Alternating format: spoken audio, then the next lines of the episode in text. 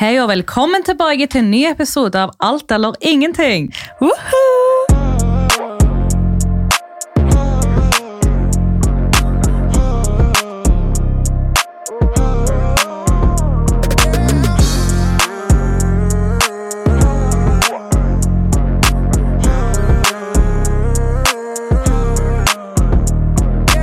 Hvordan går det, Susi? Det går bra. Em, jeg gruer meg litt til dagens episode, faktisk. Jeg sitter her og jeg, jeg smiler liksom av nervøsitet. Ja, hva gruer du deg til? Ah, I dag er det jo del to av Toxic Relationships. It is. Og i dag skal jeg snakke om en person som jeg står jævlig nære i dag. Og som jeg bryr meg veldig mye om. Mm. Og derfor er jeg typ litt redd for å dele vår historie, for jeg vil ikke såre han. Nei, den ser jeg. Men likevel så er det veldig viktig for meg å på en måte fortelle denne historien. fordi at Skal vi først fortelle om forhold vi har vært i, så er det veldig unaturlig å ikke nevne. Ja, hvem er Det den her- personen egentlig? Har du lyst til å gi meg et navn? I dag skal jeg fortelle dere om mitt og Pierre sitt forhold. Det her forholdet tror jeg alle har venta på. Hæ? Jeg tror hele Norge er så nysgjerrig på hva som egentlig skjedde i det forholdet der. Å, fy fader. Altså, det er så mye. Ja, jeg ser det. Ja, jeg har liksom notert ned helt ja, A4-ark her for ikke å glemme. Og det er så mange ting som har skjedd opp igjennom, og jeg har jo delt ganske mye liksom, gjennom blogg og sånt. Mm. Fordi på den tiden når vi var sammen, så var jo jeg helt ekstrem på bloggen. Jeg Ja, det delte jo var du. alt. Em, så mange her kan nok kjenne igjen noen av episodene, men òg mye av det jeg skal fortelle, har jo ingen peiling på. Nei. Fordi at det her var liksom ting som jeg nesten kunne skamme meg over, da. Det gjenstår å se hva folk tenker, men det viktigste er jo at den dag i dag så er jo dere så å si bestevenner. Ja, Og det er det viktigste. Ja, ja, ja. Han er jo en av de nærmeste. Og det er sykt Menneskene jeg har. hvordan dere har klart å få det til etter den historien her, da. Og folk tror ikke på det. Folk tror liksom at vi fortsatt er back together og bla, bla, bla. Folkens, nei. Jeg har Nei. vært vitne til det, nei. Det er bros. Dere skulle bare visst. Og jeg, jeg forstår at det er litt sykt å forstå det, fordi dere har jo elska Mhm. hverandre, sant? Og det er jo en eks, Ja. så det at dere kan henge med hverandre og ikke føle noe, det er ikke alle som klarer det. Nei, nei, Jeg hadde nei. ikke klart det. Jeg kommer jo alltid til å elske han og ha liksom en spesiell plass i hjertet mitt for ham. Selvfølgelig. Men som en venn, liksom. Mm. I dag. Men ja, herregud. La meg hoppe inn i det Hopp her. i det, tenker jeg. Hold dere fast. Jeg må holde meg fast. Jeg er dritnervøs, fy faen. Ok. Hvorfor gjør vi det her? Hva dere får gjøre med det her? Kom igjen, tøm hjertet ditt. Det her er psykologtime. Ok, Kjør. Pierre, på forhånd, unnskyld. Sorry.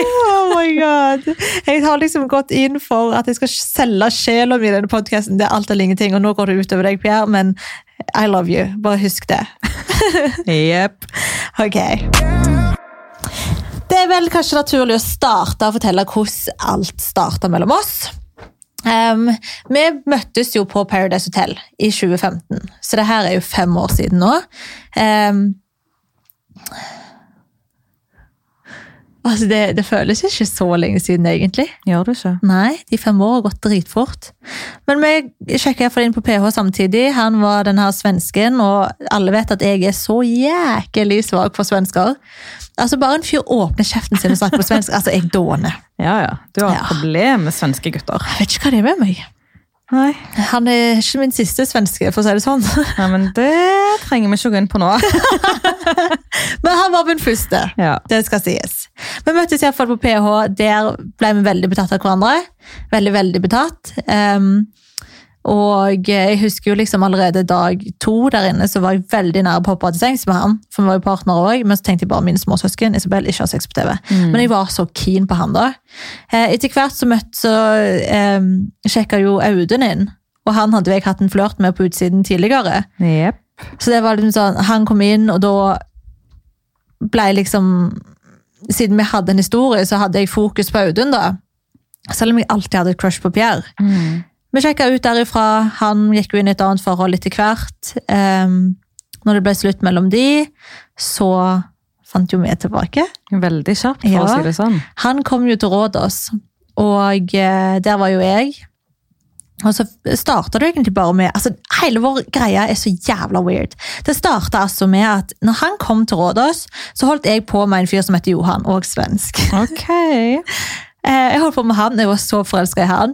Pierre kom, og vi liksom meg, han, Mathias og Sara hang liksom mye. ikke sant? Vi var jo på Odda samtidig, alle sammen fra samme sesong. da. Så du mener at du var forelska i Johan?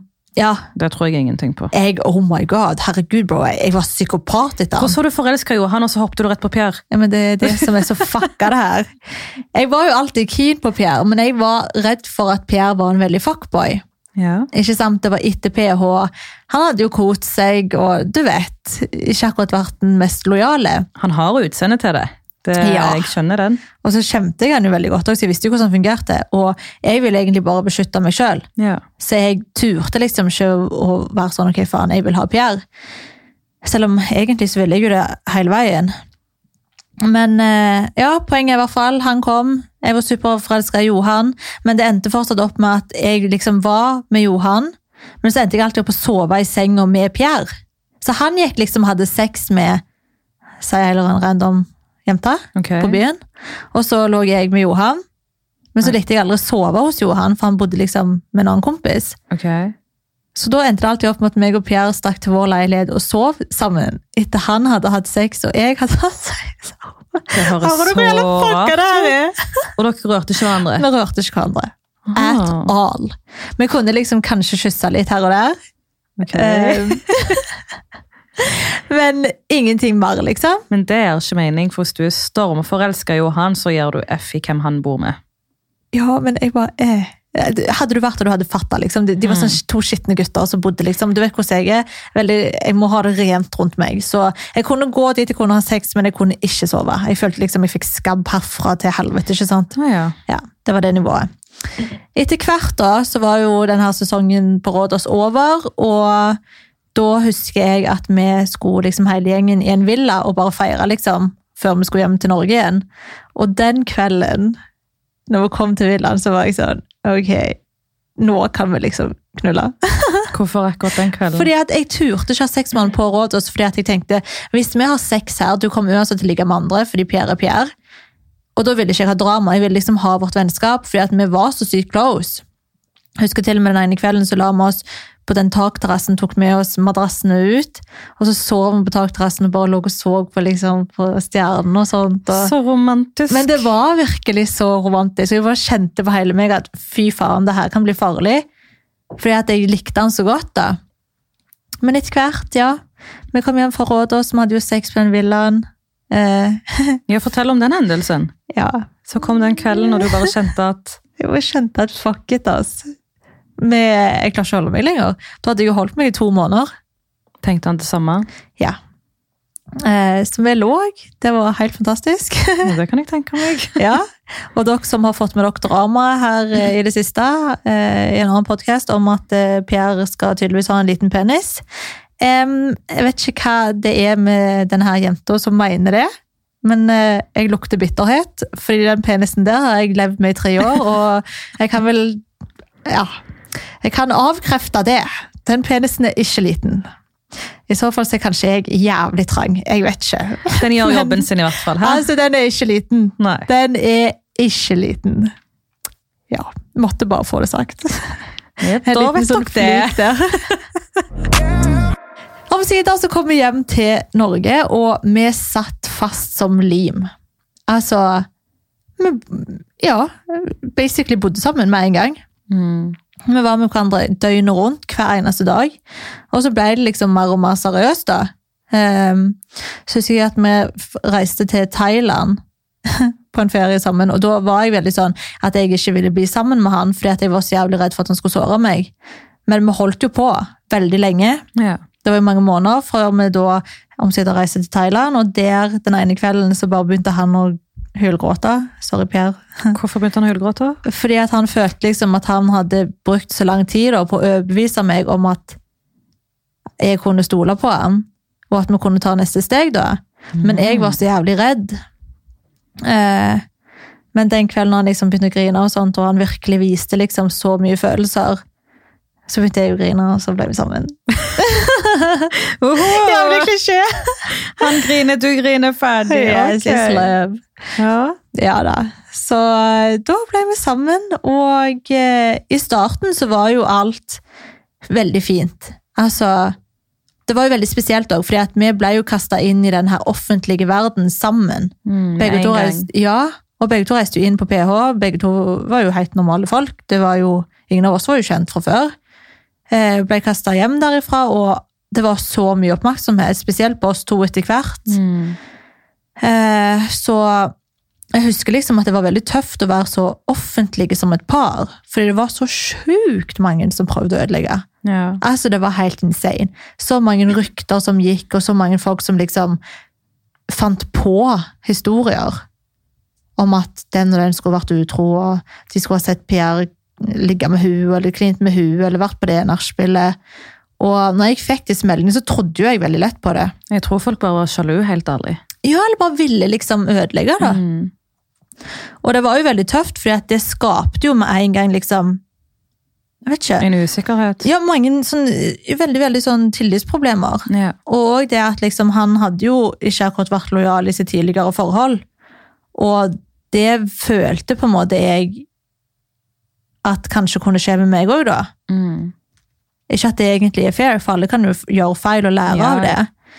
Eh, Men jeg, jeg var jo selvfølgelig li- livredd for det, for at jeg ville jo ikke gå rundt og være naiv heller. Så jeg trodde jo veldig lett på alle disse ryktene. Og det også gikk jo veldig ut over vårt forhold. Fordi at jeg valgte liksom ofte å heller tro på det enn å tro på han. Mm. Selv om han allerede hadde gjort meg noe Nei.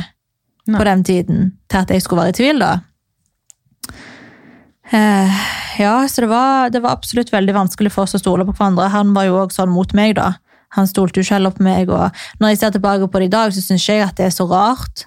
For at, altså, du ble jo bare kasta til løvene, sånn som vår situasjon var. Det var liksom så mye nytt på en gang, da, og i tillegg til at du på en måte skal inn i et nytt forhold. Mm. Det, det var jævlig fucka, ass. Men hva endte det opp med at dere krangla mye da, pga. de meldingene du fikk? Ja, Ja. det ble jo ofte det. Og at liksom, det ble mer anklagelser, og etter hvert så ble jo han veldig lei av at jeg i det hele tatt spurte han. Men det skjønner jeg jo. Man går Jeg jo lei òg. til slutt. Ja. sant? Og spesielt liksom når han kan liksom sitte der og bare være sånn, men herregud, altså jeg var hos broren min. Mm. Kan du la meg være i fred? Du vet hvor jeg var. Stol på meg, Det liksom. er Jeg er typen sykt, din. altså. Ja, men den gangen det faktisk virkelig gikk opp for meg, og jeg liksom tok hintet at herregud, Isabel, nå, nå må du bare innse at det her er bare folk som er ute til å ødelegge. Mm. Det var den ene helga, så hadde vi reist til Falkenberg til mora hans i Sverige. Og jeg tror ikke jeg hadde delt noen plass at vi var i Sverige. Og så fikk jeg en DM på Instagram. altså, det her er så sykt. Av ei jente fra hennes egen profil. Det var ingen fake bruker, ingenting. Der hun da fortalte detaljert liksom, hvordan Per hadde vært på nachspiel med hennes venninne, og de hadde hatt sex og bla, bla, bla. Altså samme helg som vi var Så hun mente at det Sverige? skjedde mens dere var i Sverige? Ja! Ok. Og da husker jeg bare at jeg bare satt og leste, og jeg bare Å, fy faen! Han sitter ved siden av meg, tenkte du. Og Jeg følte meg så jævlig dum for at jeg hele veien a- anklager Mm. han. Og der fikk jeg det liksom så sykt tydelig. Bare bevist da at herregud, du må slutte å tro på alt det her, for folk Ja. finner så jævlig på dritt. Men det er vel sånn det å være offentlig, egentlig. Mm. At man får mye dritt bare for å få det. Folk vil bare, altså, folk vil bare ødelegge. Ja. Jeg skjønner ikke helt hvorfor. Jeg vet ikke heller, men det er en side note. Altså, hvis jeg går inn i et forhold på ny, så kommer jeg aldri til å ville ha det så Offentlig. offentlig. Nei. Ever again. Fordi det her med Pierre, altså seriøst, det har scarred me for life. Det var Det helt har jævlig. jo påvirka forholdet deres veldig. Ja. Det har jo ødelagt mye òg. Definitivt. Så det er jævlig kjipt, altså. Ja. ja, herregud, jeg skulle ønske at det ikke var såpass offentlig som det var, men det var jo umulig at det ikke skulle være det. Mm. Ja, i hvert fall. Det som er forskjellen på det her forholdet og det forrige, som jeg snakket om i den forrige episoden, det er jo at med meg og Pierre så var det ikke bare Pierre som var toxic. Jeg var òg toxic. Jaså, ja. Hvordan var du toxic? Ja, men det er nettopp det. Her var liksom begge to var psykopater. Jeg kan liksom ikke legge skylda på han, sånn som jeg egentlig kunne gjøre med briten. For med briten så var ikke jeg psykopat i det hele Mm. Nei, tatt. nei, nei. Det kan Ikke du òg hele- vitne ja, til. ja. Men med Pierre, der feeda vi liksom på hverandre. Den ene var toxic, så fortsatte den andre, og så ble det liksom verre og verre. og verre. Så det her er liksom to personer som egentlig så gjerne vil få det til å funke, men som egentlig bare burde ha skjønt at faen, vi funker ikke sammen, for vi gjør det så fucking toxic. Men hvorfor altså, skjønte ikke dere det på den tiden, Vi var istedenfor å så såre forelsket. hverandre? Men du vet når du liksom Altså, jeg har aldri vært så forelska i en person som jeg var i Pierre. Altså, du vet sånn her intens Jeg tror aldri du forelskelse. vil oppleve det igjen, for å si det sånn. Nei, det er mye som skal toppe det. Ja. Altså, jeg har jo vært forelska og betatt og sånt ettertid, men akkurat det her med Pierre, altså, det var, det var så jævlig intenst. Mm. Ja. Og det her bare for å få folk til å forstå hvor tid det her var, det var liksom fra jeg var 21 til jeg var 24, så det pågikk jo i tre år. Og i dag er jeg 26, Ja. så det tok jo slutt for ja, to-tre To år siden. cirka. Mm. Men eh, hvordan var det du var to- Altså, hva var du toxic med? Hva gjorde du? Jeg var veldig sjalu. Du var det, ja. Jeg var veldig sjalu.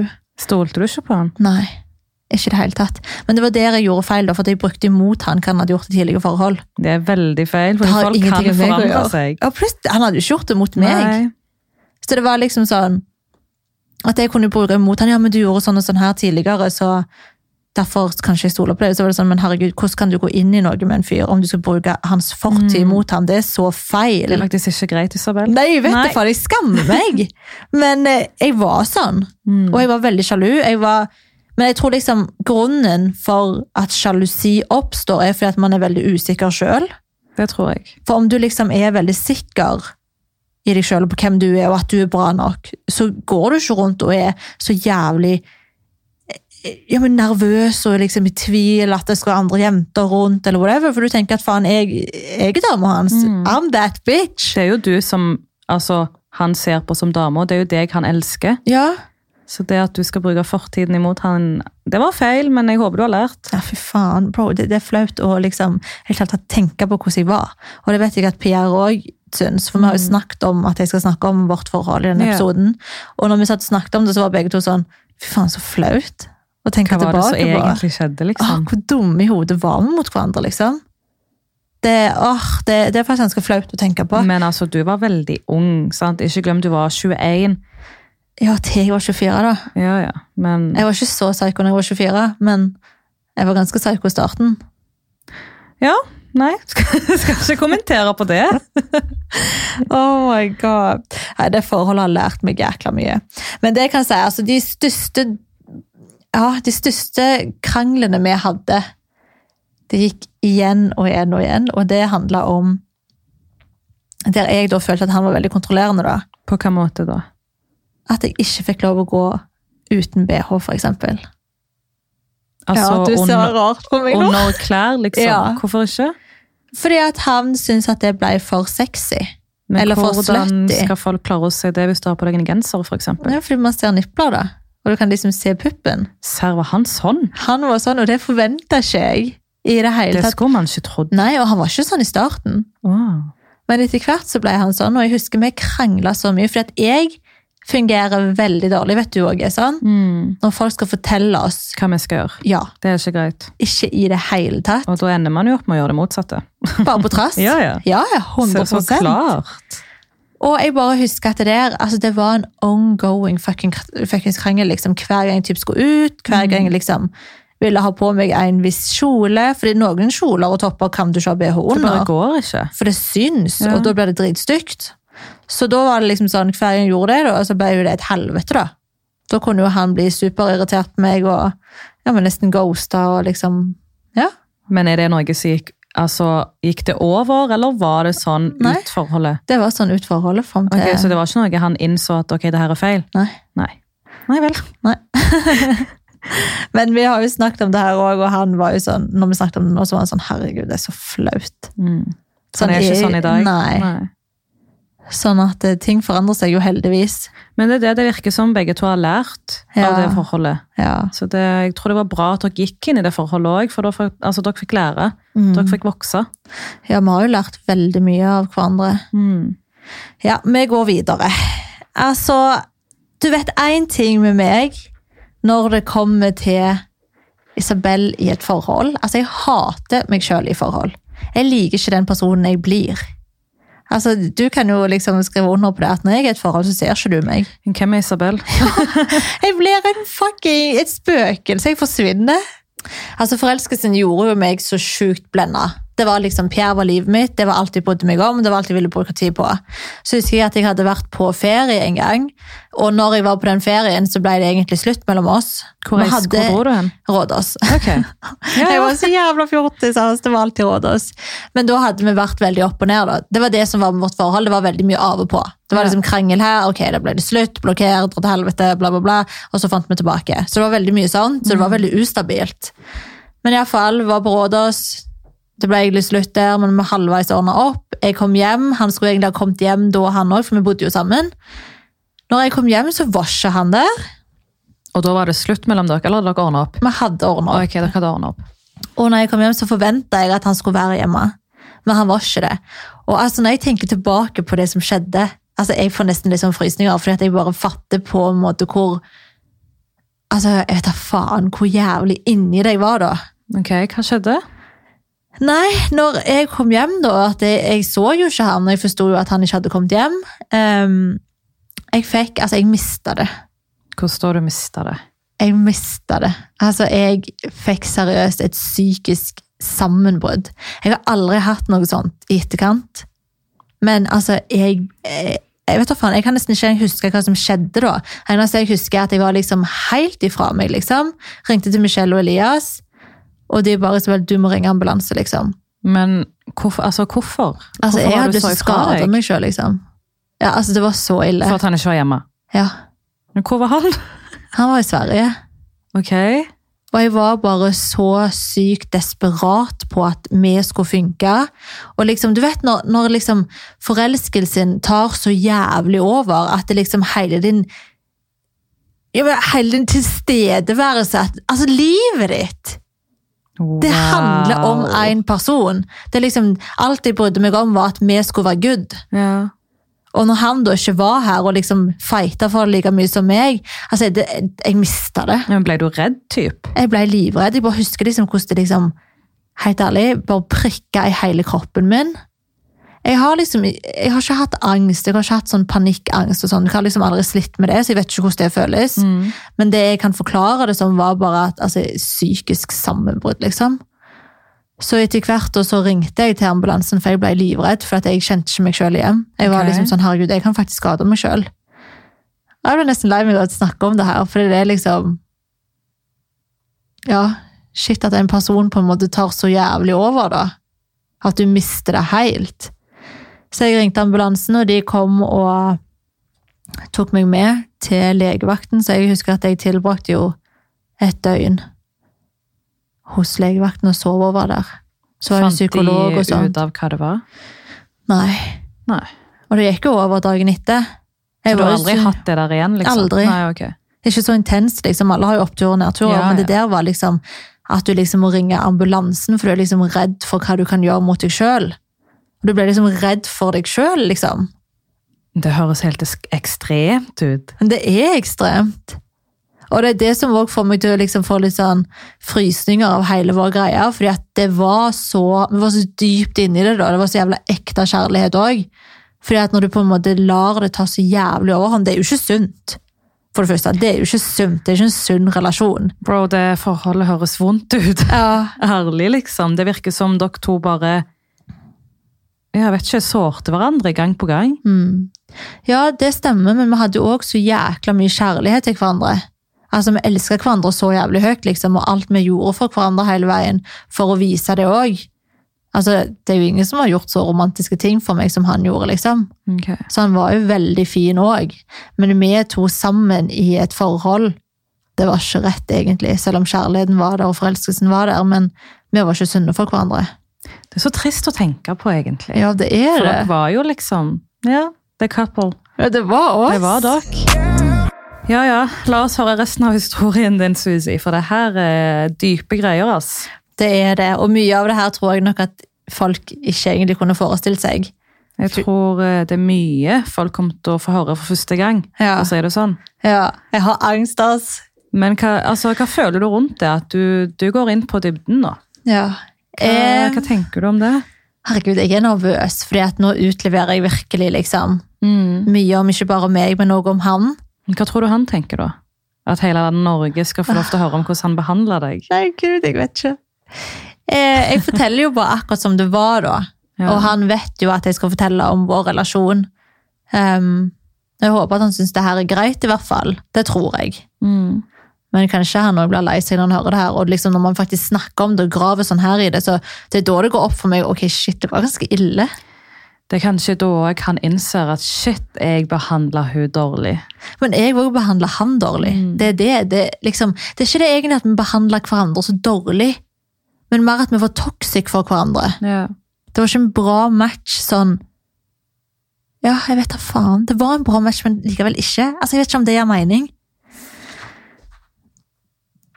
Vi var i hvert fall veldig opp og ned. Det, hadde liksom, det var perioder der alt var helt fantastisk og perfekt, og jeg ville gifte meg med denne fyren, og jeg ville ha barn med han, og det her var mannen i mitt liv. Og så kunne vi selvfølgelig ha nedturer der liksom alt så helt håpløst ut. Eh, Og det er liksom, sånn var vi, og jeg vet at mange forhold kan være sånn. Men det toppa seg jo. Altså, det her òg er litt sånn flaut egentlig å snakke høyt om, men plutselig så blir vi kontakta av eh, en som hadde jobba på Paradise Hotel. Ok. em, i produksjonen, da. Og så kontakta han oss og bare sånn Ja, hallo, jeg eh, kontakter dere fordi at jeg skal jobbe på et nytt TV-program, et nytt konsept i Sverige, og de har lyst til å få dere inn på en casting, liksom. Det er sånn par eh, TV-program, typ. Og vi bare, ok, whatever var det her? Vi ville jo alltid liksom høre hva som, muligheter som fantes da. Em, og da ble vi flytt til Stockholm, og jeg fikk jo da vite at det her var Temptation Island. Kan du forklare hva det er for de som ikke vet hva det programmet handler om? Fy faen!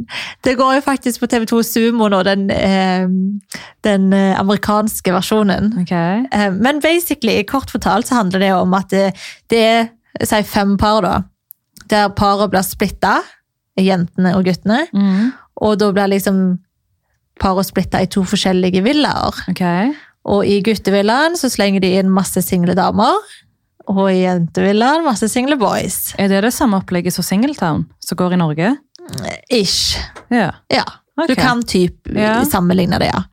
Og da skal liksom forholdet bli satt på prøve, da. Fordi da skal jo du på dates med alle disse singlene, og liksom de som kommer inn der som single, de vil jo fucke opp forholdet ditt. Riktig. Sant? Og de blir jo ofte forelska i, i de som er i par, og liksom vil på en måte prøve å få til noe, da.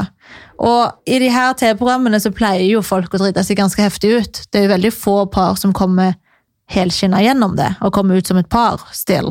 Og det her sa dere ja til. Eh, money talks. Men eh, ja. jeg skjønner ikke, dere var villige til å sette forholdet på risk for pengene? Jeg ville egentlig ikke. Em, det var veldig mye overtaling som måtte til. For at jeg var jo livredd. Altså, du hører jo hvor jævla psykopat jeg var. Jeg var jo så jævla intens forelska i Ja, ham. det er derfor jeg ikke skjønner liksom, hva, altså, hvordan klarte dere å si ja til det? Ja, det, jeg vet ikke. Helt ærlig, spør du meg i dag Oh my god. Jeg vet ikke. Du hadde aldri gjort det i dag her? Jeg Kødder du? Jeg skammer meg jo. Det her er egentlig noe som jeg kanskje har nevnt sånn kort én gang. Men ingenting jeg har snakket om, for jeg syns det er så jævlig flaut. altså. Det høres bare veldig sykt ut at dere tester forholdet. Altså, Hva faen vil det? når man vet at 90 av parene kommer ikke ut som et par lenger. Mm. Men vi var jo så sterke, vet du. Vi skulle jo klare det her. Men vi skulle jo det komme tror ut alle. helskinna. Ja, Ja, ja, så ja. klart. Altså, hvor jævla naiv er man, liksom? Det der er jo f- ja, doomed to fail. Mm. Eh, I hvert fall. Vår deal da var jo at vi skulle være der jeg tror det var i to uker bare. Hele innspillingen tror jeg egentlig varte i en måned. Ok. Så vi skulle jo ikke være der fra starten av, um, fordi at det nekta jeg og han. Og så skulle vi jo få penger for det her, da. Det fikk jo ikke de andre heller, men i og med at de spurte som blir med på det her, så Ja. måtte de jo tilby noe, da. Eh, vi kom ned da til Thailand, og jeg hadde vært ganske rar i forkant. Hvor står rar? Jeg kunne liksom plutselig bare begynne å grine ut av det blå, og jeg er ikke en person som griner lett, liksom. Jeg må alltid ha en ganske stor grunn for å begynne å grine. Jeg var veldig følsom. Ok. Jeg var veldig kvalm. Eh, så jeg, jeg visste liksom ikke hva som var galt med meg da. Men så hadde jeg jo akkurat tatt en operasjon, så jeg tenkte jo at jeg var kvalm på grunn av de smertestillende tablettene jeg gikk på. Så derfor tenkte jeg liksom ikke at det kunne være noe annet. Nei. Plutselig hadde jeg operert, så hadde jeg vært gravid, så hadde jo de sett det. Ja, Ikke det er sant? vel det som er mest logisk, regner jeg med. Det er det som er mest logisk. Ja da. Så vi kommer jo ned til Thailand, og jeg finner jo da ut at eh, jeg er gravid. Men vent, var du gravid under operasjonen din? Ja. Hæ? Mm. Hvordan visste ikke de at du var gravid? Å, herregud. Det her eh, det er noe av det mest traumatiserende jeg har gått gjennom. Oss. Det her er jo liksom nok et eh, tegn på hvorfor du ikke skal gå til en billig klinikk i eh, Ah. Tyrkia. For de visste jo definitivt det. De tar jo masse prøver, ikke sant? blodprøver og alt sånt her, for å se at alt ser bra ut før du skal inn. Men de tenkte på pengene, de. Ja. Fy Så fader. jeg visste ikke at jeg var gravid. Hvordan fant du ut at du var gravid, da? Nei, men jeg bare var jo så dårlig. Mm. Og så bare tenkte vi, herregud, tar jeg bare en test bare for sikkerhets skyld, da, whatever. Jeg husker at mora til Pierre liksom nevnte det. Eh, Og den viste jo positiv. Trodde ikke på det. Når dere var i Thailand. Ja, Ja. jeg trodde ikke på det. Så tok jo, jeg måtte jo si det til produksjonen da.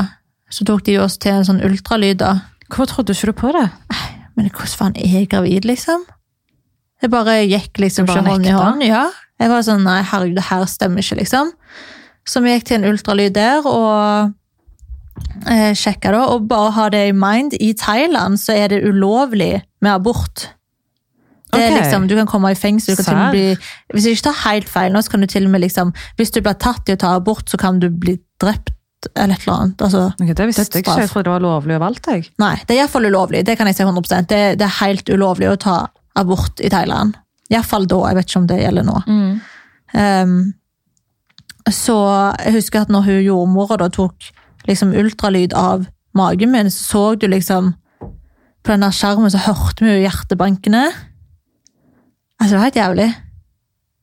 Og hun var jo liksom sånn ja, 'Congratulations', la, la, la. For der er det jo liksom en lykke å være gravid. Oh. Og jeg bare husker, altså jeg hørte, jeg vet faen, jeg bare freaka helt ut, fordi det å bli mamma er det skumleste jeg vet. Altså, Det er liksom, det er min største frykt egentlig. Ja. Så jeg bare husker når jeg hørte de hjerteslagene, altså jeg fløy opp fra den senga, begynte å skrike og hylgrein. Altså jeg visste ikke hvor jeg skulle gjøre av meg, liksom. jeg bare mistet det totalt. Var Pierre med deg? Ja, Pierre og jeg fra produksjonen, og de visste ikke hvordan de skulle liksom, håndtere meg. Hvordan reagerte han, da? Jeg bare husker liksom at vi bare til slutt endte opp med bare å stå og klemme hverandre, og jeg bare skreik liksom at det her skjer ikke, jeg må ha abort, jeg må bort, altså det her, jeg skal ikke bli mamma liksom. Jeg var ikke klar for det. Nei, nei. Så vi avbrøt jo da kontrakten med Temptation Island. Vi skulle jo ha sjekket inn dagen etterpå. Ja. Men jeg regner med at de viste nok Ja, forståelse. de skjønte det 100 da. Ja. Så de booka jo et fly til oss dagen etter. Flydde rett hjem, og jeg fant jo da ut at jeg var kommet ganske langt, faktisk, på vei. Og det var så rart, fordi at du kunne jo ikke se det litt på meg engang at jeg var gravid. Det er veldig sykt, altså. Altså, jeg har fortsatt bikinibilder fra den tida, når vi var i Og man Thailand. ser ingenting. Ingenting! Hva er det, hvor mange uker er det liksom før du må liksom, hva heter det, søke om lov for å ta Altså, abort? Tolv uker er jo grensa på Ja. at du kan ta abort. Etter det så er det egentlig ikke lov. ja. For det er jo tre måneder, ja. For da var jeg over de tolv ukene. Var du? Ja. Og jeg Ok. visste det ikke. Så jeg hadde altså operert, gått i narkose, tatt masse heavy smertestillende og sånt. Jeg hadde jo festa, drukket masse alkohol. Mm. Uviten om at jeg liksom hadde et foster i magen. Jeg hadde jo ikke peiling. Så jeg hadde jo bare helt panikk i tillegg til at jeg ikke ville bli mamma. Jeg var ikke klar for det. Altså, Nei, nei. Livet jeg levde, og lever i dag òg, for så vidt, er ikke egnet for barn. Mm. Og man må jo virkelig ha lyst på det for å liksom få et barn i denne verden. Ja.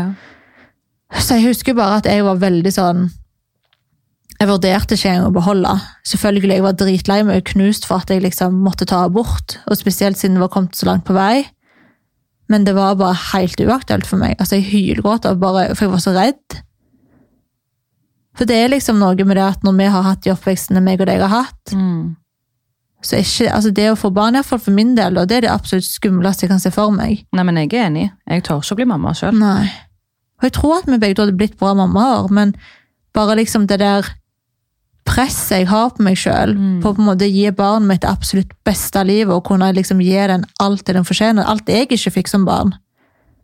Det der sitter så jævla dypt i meg at jeg vil ikke få et barn før jeg føler liksom at jeg kan gi det barnet det beste livet. Mm. Ja. Så jeg var liksom, jeg var totalt sånn nei, helt blankt nei. Jeg husker at Pierre var Og det her er jo veldig jævlig, da, fordi at han hadde jo egentlig lyst. Å I hvert fall, beholde. ja. I Ja, for i det øyeblikket så hadde han lyst. Fordi at når han hørte hjertebankene, så fikk jo han ja, helt vondt, liksom. Mm. For du hører jo at det er et foster der. Ja, ja. Så han syntes jo bare det var helt jævlig å skulle liksom måtte abortere det bort, da. Syns jeg til og med at mora hans eh, snakket med meg og bare for å høre liksom om det fantes noen muligheter. Mm. Og at eh, vi kom ut og kunne få hjelp, og at jeg hadde liksom gått. Og... Men det var virkelig helt blankt nei hos meg, for jeg var så redd. Angrer du den dag i dag? Nei. Det er det viktigste. Mm. Jeg angrer ikke sånn. Altså, jeg har dritdårlig samvittighet. Men jeg gikk på p-piller, Mm. så det var liksom ikke sånn at jeg hadde ubeskyttende sex og var ansvarsløs. Og i tillegg til at jeg hadde blitt operert, jeg hadde festa, jeg hadde liksom levd et liv helt uvitende om at jeg hadde et foster i magen. Det er Så jeg det. følte at uansett så hadde ikke jeg på en måte Jeg f- følte ikke at det fosteret hadde det bra uansett, Nei. om du skjønner. Ja, ja, så klart. Så for meg bare føltes det helt, helt, helt feil å beholde. Så jeg husker jo at jeg måtte jo søke da, om lov til å ta abort. Så måtte vi sitte med sånne her to overleger på sykehuset og begrunne da, hvorfor vi skulle få lov da, til å få ta abort. Og det var jo bare jeg som snakket, stakkars Per var jo fra seg. Mm. Og så fikk vi jo gjennomført aborten, og det, det, det kan jeg nesten ikke snakke om. Nei, Det er seriøst det jævligste jeg har gjort i hele mitt liv. det skal du slippe å snakke om. Mm. Men det var jo etter det så ble jo i hvert fall vårt forhold ganske sånn fucka. Det ble det, ja. Veldig. Da forsvant på en måte sexlivet og Påvirk, det påvirker dere, rett og slett. Veldig. Fordi at det var liksom sånn Altså Etter jeg hadde gjort det, så var han jo enig i at det var det riktige. For vi var ikke klare til å bli foreldre. Nei. Men likevel så tror jeg nok at det kjentes mer for han at vi skulle ta abort. Mm. enn hva det gjorde for meg, da. Så, så ja, nei, det påvirka oss veldig negativt, og vi hadde det veldig rart etter, da, Ja. etter den perioden der, husker jeg. Ehm, Men snakker dere typ om hvordan dere hadde det, og hva dere følte? Snakker dere med hverandre om det? snakket nesten ingenting.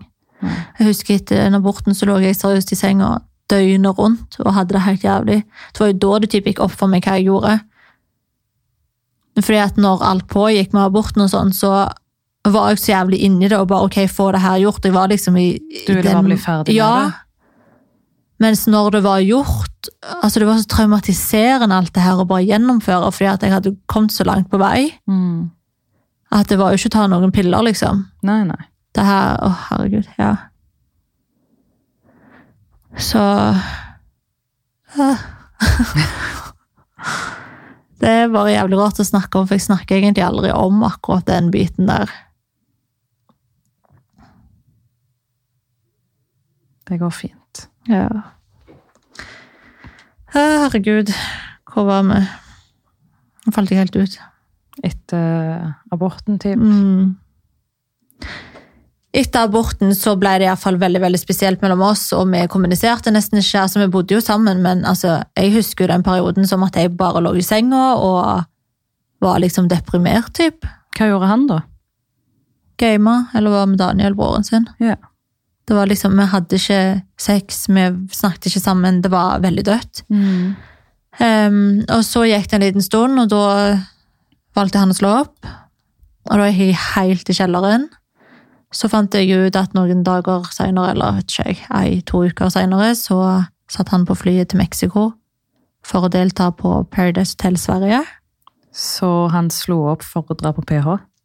Vi har jo snakket om det i ettertid, men akkurat da så trodde jo jeg det, ja. Ok. Jeg var helt, helt overbevist om at det var det han hadde gjort. Men eh, så viste det seg jo at han hadde jo søkt etter han hadde slått opp med meg, for han slo opp, og så flytta han inn til Daniel, og så hadde det vært en eller annen sånn reklame på Facebook der de liksom søkte. Mm. Em, og det var liksom sånn siste sjanse, da. Ok. Og i og med at han allerede hadde vunnet norske PH, så trang han jo ikke å gå gjennom casting og alt Nei. sånt her, og de visste jo allerede hvem han var. Så da tok de jo han med, og bare fløy han ned, liksom. Ja, ja. Så enkelt var det. Men for meg da, som satt hjemme og akkurat hadde blitt nydumpa, og da få vite at han sitter på et fly til Mexico, gjennom egentlig bare å være en jævla stalker, Så altså, det var så jævlig, liksom. Hva følte du på da? Jeg følte jo at alt hadde vært fake, da. Ja. Om du på en måte kunne velge bort et forhold som da på det tidspunktet hadde vart i over to år, Mm. for å være med på Paradise Tell. Det var jo det jeg trodde, fordi at vi hadde jo ikke kommunisert. Han hadde jo Nei. ikke sagt noe til meg. Og jeg lå jo bare hjemme og var helt knust, liksom. Så kom han jo hjem derifra, og så tok han kontakt etter en stund, og så begynte vi å henge litt, men jeg var jo veldig sånn Jeg var jo så lei meg, da Mm. etter alt som hadde skjedd, at for meg så lå det ganske langt inne da, og i det hele tatt vet ikke, tenker tanken på at det kunne bli oss to igjen da. Ja. Men igjen så var jeg jo så jævla forelsket igjen, det hadde jo ikke forsvunnet. Det er det som er problemet, vet du. Åh, så da tok jeg han jo tilbake etter hvert, så ble det jo oss igjen. Etter at han kom tilbake fra PH. Ja, Ja. men det tok faktisk en ganske god stund før vi ble sammen igjen. Jeg tror nesten det tok et halvt år. Hva fikk deg til å ta han tilbake igjen, da? Forelskelsen. Ja. Altså, hvis ikke folk har forstått det til nå, jeg var jævlig Forelska. Herregud, jeg tror ikke det gikk an å være så intenst Før eller forelska. siden må man gå gjennom det, tenker jeg. Den type forelskelsen der. Men Jeg håper jeg ikke går gjennom det der igjen. For Ikke det jeg var helt, så to be honest. fucking intenst. Og om du i så fall gjør det, at det er sunt. Ja, det er nettopp det. Mm. Men jeg vil ikke være så jævlig avhengig av en en annen person for å ha det bra. Det er det. Men så tok du han i hvert fall tilbake. Yes, det gjorde jeg. Og her begynte jo kanskje litt sånn kontrollen å starte òg, eller bli litt verre. Ok. Fordi det her med at jeg ikke fikk lov å bruke BH, det var jo en ongoing thing. Mm. Men òg det her med at han likte ikke at jeg dro ut og festa. Men jeg likte ikke heller at han dro ut og festa, så der var jeg like jævlig. Ok, Så det gikk begge veier. Ja. Ja. Men det som var ekstra sånn ille fra hans side, da, det var for eksempel det at ikke jeg fikk lov å reise på jenteturer. Hvorfor ikke? Vet ikke. Men den perioden der så vet jeg at han hadde det ikke så bra med seg sjøl heller. Mm. Så det gikk utover deg? på en Ja. måte? Ja. Og han var òg veldig usikker i den perioden. Sånn at jeg vet jo, nå når jeg ser tilbake på det, så skjønner jo jeg hvorfor han var Altså Om han er så sjalu og så kontrollerende, liksom, og så stressa for hva den andre personen gjør, så det sier jo en ting, egentlig. Egentlig. Men det er så vanskelig å på en måte se på det sånn når du er midt oppi det. Ja, For du klarte ikke å se det der og da? Nei, nei. Jeg bare var sånn, herregud, jeg må få lov å leve mitt liv. Du kontrollerer meg, liksom. La meg leve. Eh, men da husker jeg i hvert fall at jeg skulle reise til LA med to venninner, og da var jo han sånn ah, Hvis du reiser, så kommer det til å bli slutt mellom oss, og jeg vet liksom at det her kommer til å være enden, altså slutten på oss, liksom. Ok. Han ville jo ikke slå opp, men han bare så at det kom til å ja, få oss til å gå fra hverandre. da. Og jeg skjønte ikke helt hva han mente. Og jeg sa liksom, herregud, jeg skal reise med jentene, jeg skal jo bare kose meg. Jeg elsker jo å reise. Mm. Eh, og da hadde jeg vel egentlig kommet litt over den der knekken med å kun være med ham. Da hadde jeg begynt å henge litt med venner og familie og sånt. For når han forlot meg, for når han reiste til PH, så var jo, da kom jeg tilbake til dere. Jeg kom tilbake til vennene mine. Og da våkna jeg litt på den fronten. Da var jeg litt sånn, herregud, hva faen. Han er jo alt jeg trodde jeg hadde. Så når han forsvant, så fikk jeg tilbake livet mitt da. Den livlige Isabel kom tilbake igjen. Ja, hæ? og den vedlikeholdt jeg faktisk. Den klamrer jeg meg fast til etterpå. Det gjorde du. For da så jeg liksom det her viktigheten med at herregud, han kommer ikke til å være der for alltid. Skal liksom jeg ikke ha noen andre i mitt liv? Skal Mm. jeg liksom velge bort alle andre for han? Det er det. Plutselig så forsvinner han. Sitter jeg der. Og det gjorde jeg jo. Så det der var jo jeg livredd for. Så det, det er iallfall en lærdom jeg tok fra det første breakupet. Ja, det er bra. Um, ja. Um, ja, jeg reiste iallfall omsider til LA. Jeg nekta jo å høre på han. Stakk dit med jentene. Koste meg egentlig som bare fy. Og da husker jeg det var egentlig ganske mange krangler om at eh, ja, men for eksempel hvis det var en story ute og jeg hadde på meg en kjole uten BH, så var det liksom screenshot. Hvorfor faen har du på deg denne her? Bla, bla, bla. Så ble det drama. Wow. Ja, så det var veldig mye krangling da. Når jeg var i LA, så husker jeg siste uka var der. Da bare ghosta han meg. Ut av det blå? Ja, eller han så i en eller annen story, så var det en gutt i bakgrunnen på den boomerangen som later som at han beit meg i rumpa, Ok. men han satt ganske langt bak. I hvert fall som jeg oppfattet det som. Jeg så ikke ham. Ja, ja. Og jeg så ikke det på boomerangen heller når jeg posta. Og Han var jo ikke i meg, liksom. Han var jo ikke i nærheten av meg. Men da mente jo han at eh, det her var det jævligste, og bla, bla, bla. Så han ghosta meg. jeg fikk ikke kontakt med han. Eh, Omsider skulle jeg reise hjem, vi bodde jo sammen. Mm. Og han hadde jo nøkler, jeg hadde jo ikke tatt med meg nøkler. Fordi at jeg skulle jo hjem til typen etterpå. ikke Ja, sant? så klart. Eh, og så husker jeg bare at jeg bare sendte melding liksom, på vei til flyplassen. På vei hjem. Jeg bare, «Ja, du kan i det minste svare meg om jeg kommer meg hjem, liksom. Jeg har ikke nøkler. Så fikk jeg svar når jeg hadde landa på Gardermoen, da, at nøklene lå under en blomstervase utenfor leiligheten. Så han kunne ikke engang møte meg. Og da tenkte jeg ok, så du Og har da hadde ghosta ikke meg. dere sett hverandre på en stund, sant? Ja, nei. Nei. Da hadde jeg vært borte, jeg tror nesten det var tre uker. Ehm, og da ja, ble jeg jo bemøtt av nøkler under en blomsterpotte. og da tenkte jeg bare, ok, hva faen, jeg visste ikke hva som skulle vente meg når jeg kom inn døra. Mm. For om ikke han engang kan møte meg, da ble jeg sånn, ok, shit, det er noe som ikke stemmer her. Ja. Jeg kom inn døra, og mye av hans ting var borte. Hadde han bare flytta ut? Ja, basically. Jeg, Jaha. altså det, det er nok et av de største sjokkene jeg har fått i mitt liv. Og her kommer liksom jeg fra en lang flyreise fra LA til Norge, liksom. Og bare ok, what the fuck, er jeg singel, har jeg ikke en samboer lenger, hva faen har skjedd? Men hva, fø altså, hva følte du når du kom inn der og du, du så at nesten alt som var hans, var borte? Altså, jeg knakk jo sammen. Du gjorde det. Men jeg var òg litt sånn Shit, altså. Skal en jentetur føre til at du flytter ut? Mm. Eller en boomerang der en fyr liksom skal bete meg i rumpa, som satt langt, langt bak. Liksom, Jeg hadde jo ikke gjort noe feil, og det Nei. visste jeg jo. at jeg ikke hadde gjort, og da var jeg liksom sånn, Samtidig som at jeg var dritlei meg, så begynte jeg òg å forstå for første gang på tre år at fy faen, det her er ikke sunt. Og det var liksom da jeg sakte, men sikkert begynte å våkne litt til liv, holdt jeg på å si. Og Innså bare- at eh, det Ja. her ikke var greit. Jævlig rart. Det tok ganske lang tid før jeg gjorde det, men jeg bare husker da at det var sånn Fy faen, det her er ikke bra. Liksom, det her er ikke vår framtid, verken min eller hans. Men så du han igjen etter at han bare hadde lagt nøkkelen igjen til deg? Det gikk vel noen dager, så svarte han meg til slutt. Ok. Og da ble vi enige om at han skulle komme hjem da, for at vi skulle snakke. Og så husker jeg at han kom, og vi satte oss i sofaen, og jeg hadde jo selvfølgelig pynta meg og skulle se så bra ut som mulig. Pris han kan ha gått glipp av. Ja. Ehm, og så begynte vi å snakke da, altså, hva faen vi skulle gjøre, da, for vi måtte jo snakke om hva som hadde skjedd. Ja. Og da ble vi egentlig først enige om at nei, det er best for oss at vi går skilte veier, men som venner, det var liksom ikke krangling da. Mm. Ehm, så var det jævlig weird, fordi at samtidig som vi satt der og hulka og grein begge to, fordi at vi innså at det her er ikke sunt, og vi har liksom ikke bra med oss sjøl av å være i det forholdet, så endte vi plutselig opp i dusjen. What? Det her forklarer oss! Det er så jævla weird! Vi endte opp i dusjen og skulle liksom Jeg vet da faen, jeg dusja, jeg. Ja, dere hadde sex i dusjen, ikke sant? Mhm. Nei, faktisk ikke. Vi satte oss på gulvet i dusjen og liksom bare lot vannet renne. Så bare satt vi der og snakket, liksom, så bare husker jeg hvordan vi liksom så på hverandre og bare sånn What the fuck holder vi på med, liksom? Da begynte vi å grine enda mer. Å, fy faen! Jeg føler jeg faen hører på en film. Ja! Er du seriøs? Altså, det er så Satt i dusjen og lot vannet renne. er det der du har det fra? Derfor du griner i dusjen hele tida? Nei, slutt! Det her er hemmelig. Ops. Ja, ja. Den storyen kan vi ta en annen gang. Om vi skal.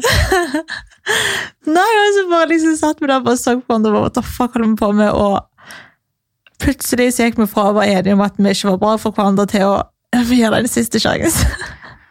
Og hvor mange, sjan- hvor mange sjanser hadde dere hatt da? Jeg vet ikke. Og der, altså, det der var jo kun pga. trygghet. Å, ja, Altså ok. 100 både fra min og hans side. Og vi var så jævlig glad i hverandre. ikke sant? Og bare det at tanken på å ha et liv uten han, det skremte meg jo. Mm. Og så hører man jo alltid det her at ja, men vi skal være venner, men så er det veldig vanskelig å være venn med en eks. Det er det. I, ja, sånn egentlig. Jeg har ingen hekser som jeg er venn med, for å si det Nei. sånn. Mm. Nei, det er jo ikke egentlig normalt å kunne liksom, Man kan jo alltid være hyggelig mot hverandre, men det å ha et vennskap og kunne omgås, det er veldig sjeldent. Ja. Ehm, men ja, vi for- bestemte oss i hvert fall for å fortsette. Ikke faen spør meg hvorfor. Begge to var vel vet du hva, søren jeg. Hvor lenge varte det? Kan jeg spørre om det? Ikke så lenge. Vi endte da opp med å reise til Falkenberg igjen. Vi likte veldig godt å være hos mora hans der. Hun er jo verdens beste dame. Mm. Ehm, og jeg bare husker at det oppholdet der, jeg tror vi kanskje var der ei uke eller et eller annet sånt. Og da bare merka jeg på hele meg at det er noe som ikke stemmer, liksom. Ok. Hva, hva tenker du på? Jeg vet Hva ikke. følte du? Du vet når du bare plutselig altså, Du må bare innse ting sjøl. Mm. Ikke sant? Og når det først går opp for deg at fuck, og du bare kjenner i hele kroppen at det er noe som ikke stemmer, liksom. Du må ta tak. Ja. Og du kan ikke ignorere det lenger. Det var liksom et sånt moment for meg. Og det var hele oppholdet der, og jeg bare visste ikke hvordan jeg skulle forholde meg, fordi at familien hans var jo der. Og jeg måtte jo liksom hele veien gå rundt og bare late som at alt var fantastisk. For at jeg elsker hans familie. Mora hans er jo seriøst, øh, ja, som sagt, verdens beste dame. Og jeg ville jo ikke at hun skulle merke noe. Jeg visste ikke hva Pierre egentlig følte. Ok. Fordi at han virka jo ganske happy, men jeg òg virka jo happy. Men jeg vet jo hva jeg følte på når jeg gikk og la meg på kvelden. Da satt jeg bare og funderte liksom på hvordan jeg skulle si det her. Ok, Så du faka på en måte at du hadde det bra for at familien da skulle Mm, tro at dere hadde det bra sammen? ja, Ok. Shit, ass. ja. Jeg tror mange kan Det kjenne er sykt når det Ja. kommer til det punktet der. ja. Vi har liksom alt for at det ikke skal være rart, da. Mm. Men så husker jeg i hvert fall at til slutt så klarte jeg ikke mer. liksom. Jeg klarte ikke å være der tiden ut, for at jeg fikk panikk. Jeg, liksom, det bare føltes så jævlig feil at jeg, jeg måtte bare komme meg ut av situasjonen. For at jeg klarte ikke å deale. Så jeg husker at jeg sa til Pierre at jeg måtte hjem pga. noen jobbgreier. Jeg løy. Jeg må, Skjønte han det? det er det jeg er litt usikker på, men jeg husker i hvert fall at når eh, jeg skulle si ha det, da, så husker jeg bare at vi liksom så hverandre i øynene og sånt, og bare der så bare vet jeg at han visste at det her skulle være siste gangen jeg var i Falkenberg, liksom. Sykt trist, egentlig. Ja. Det er jævlig trist. Og så kom jeg hjem og ringte ham. Du slo opp over telefonen? Ja. Hmm. Jeg gjorde faktisk det. De andre gangene det hadde blitt slutt mellom oss, så gjorde jeg det jo face to face, men akkurat nå visste jeg liksom at ok, det her er faktisk det er ikke en krangel, fuck you, det er slutt, liksom. Det her var liksom slutt, slutt, og jeg hadde ikke hjerte til å se han lei seg. For jeg visste liksom at hvis jeg tok det med han face to face, så hadde jeg ikke klart å gjennomføre det. Nei. Det hadde liksom vært for emosjonelt, liksom, og tøft. At jeg visste at skulle jeg komme meg ut av det her, så måtte jeg gjøre det sånn. Men hvordan føltes det da etter den telefonsamtalen, når du la på? Hva følte du på da? det, jeg vet ikke. Altså, jeg følte jo Først og fremst så var jeg jo dritlei meg for at det ikke funka. For jeg trodde jo oppriktig i alle disse tre åra at det her var mannen i mitt liv. Mm, det trodde alle. Ja, jeg kunne liksom aldri sett for meg at jeg kom til å være den som til slutt tok steget, selv om begge egentlig var enige til syvende og sist. Men så var det jo jeg som tok steget, da. Og hvem faen skulle trodd det, hvis du sammenlignet den dagen med den dagen jeg ble lagt inn? Mm. Fordi at jeg faen mentalt mista det, liksom. Det er liksom Du har vokst mye siden den dagen, da. Ja. Ja, fy fader. Så det er egentlig vår story. Men angrer du på noe av det? Angrer du på at du tok det valget den siste gangen med å gjøre det slutt? Nei. Jeg er veldig glad for at jeg gjorde det, fordi at jeg vet at Per òg var jo enig, egentlig. Det var jo bare jævlig trist for begge to, så klart. Ja. Ehm, men til syvende og sist så var jo begge to enige at det var jo det rette for oss, for vi hadde det jo ikke bra i et forhold sammen. For vi var jo toxic mot hverandre. Og vi hadde det jo mye bedre hver for oss. Men er det så, så sykt, egentlig, med tanke på historien deres, at Mm. dere klarer å være så gode venner den dag i dag? For det er det som er så jævla fint! Det, er det, altså, jeg tror aldri jeg kommer til å klare å forstå det. Altså, jeg skjønner ikke. Du vet, til og med mamma den dag i dag, nå er det liksom tre år siden det ble slutt, to-tre år siden, og fortsatt så er mamma sånn, men er du sikker på at dere ikke har sex? er dere sikker på at du liksom egentlig... Men det er så sykt Ja, da- å være sant. Skjønner du? Det ja, jeg er vet, liksom ingen tror egentlig på det, men dere har jo sett oss. Ja, ja. Vi er liksom, vi er venner, genuint venner liksom, og det er så lang tid siden det ble slutt mellom oss, og vi klarte jo ikke å ha liksom en god tone med en gang det ble slutt. Altså, vi hater hverandre et år etterpå. Jeg trenger ikke gå inn på det, men det var ting som skjedde som gjorde at vi ble fiender, liksom, fordi at respekten ble ikke holdt, Nei. egentlig. Ehm, så selv om breakupet var veldig fint, og sånt, så endte det fortsatt stygt pga. ting som skjedde i etterkant. Men ehm, ja, Så det har liksom bare gått ganske lang tid da, fra det ble slutt, til vi klarte da å ha et fint vennskap. Så det var ikke sånn at det skjedde over natta. Mm. Så jeg tror det er egentlig det som er på en måte oppskriften, da, at det må gå lang nok tid. Folkens, hvem skulle trodd at selveste Isabel og Pierre er noen av de nære venner i dag? Hæ? Ja. Til og med jeg skulle ikke trodd det hvis noen skulle spådd den fremtiden der jeg hadde faen ledd i ansiktet. Jeg Isabel og hater Pierre. han jo! Ja, ja. Nei, nei, Gud. Isabel og Pierre de er venner, liksom. Ja. We're friends! Så ha, det, der har dere den storyen. Ja. Toxic. Som Toxic as bare det. fuck. Men i dette tilfellet jeg var toxic as fuck sjøl òg. Så Men det er det som er så fint, at du òg innser at det var ikke bare han som var feilen her. Mm. Ja, det var nei, nei, begge nei. to. Og absolutt. det er liksom veldig fint, da. At du, det er ikke mange som hadde klart å sette det på den måten. Nei. Så det skal du ha for. Tai. Men det er eneste komplimentet du får i dag. Ja, det er viktig å ikke være for snill her, Conny. Ja. ikke sant? jeg må holde litt sånn harde image. Det er veldig viktig. Ok, time out. Men uansett, nok eh, om dette her, og nok om Pierre, og nok om meg og mine komplimenter. Nå, nå tror jeg vi skal inn på mitt eh, andre toksike forhold, som Jeg folk er ikke kjenner til. Spennende! Hæ? Folk, Det her er jo veldig nylig.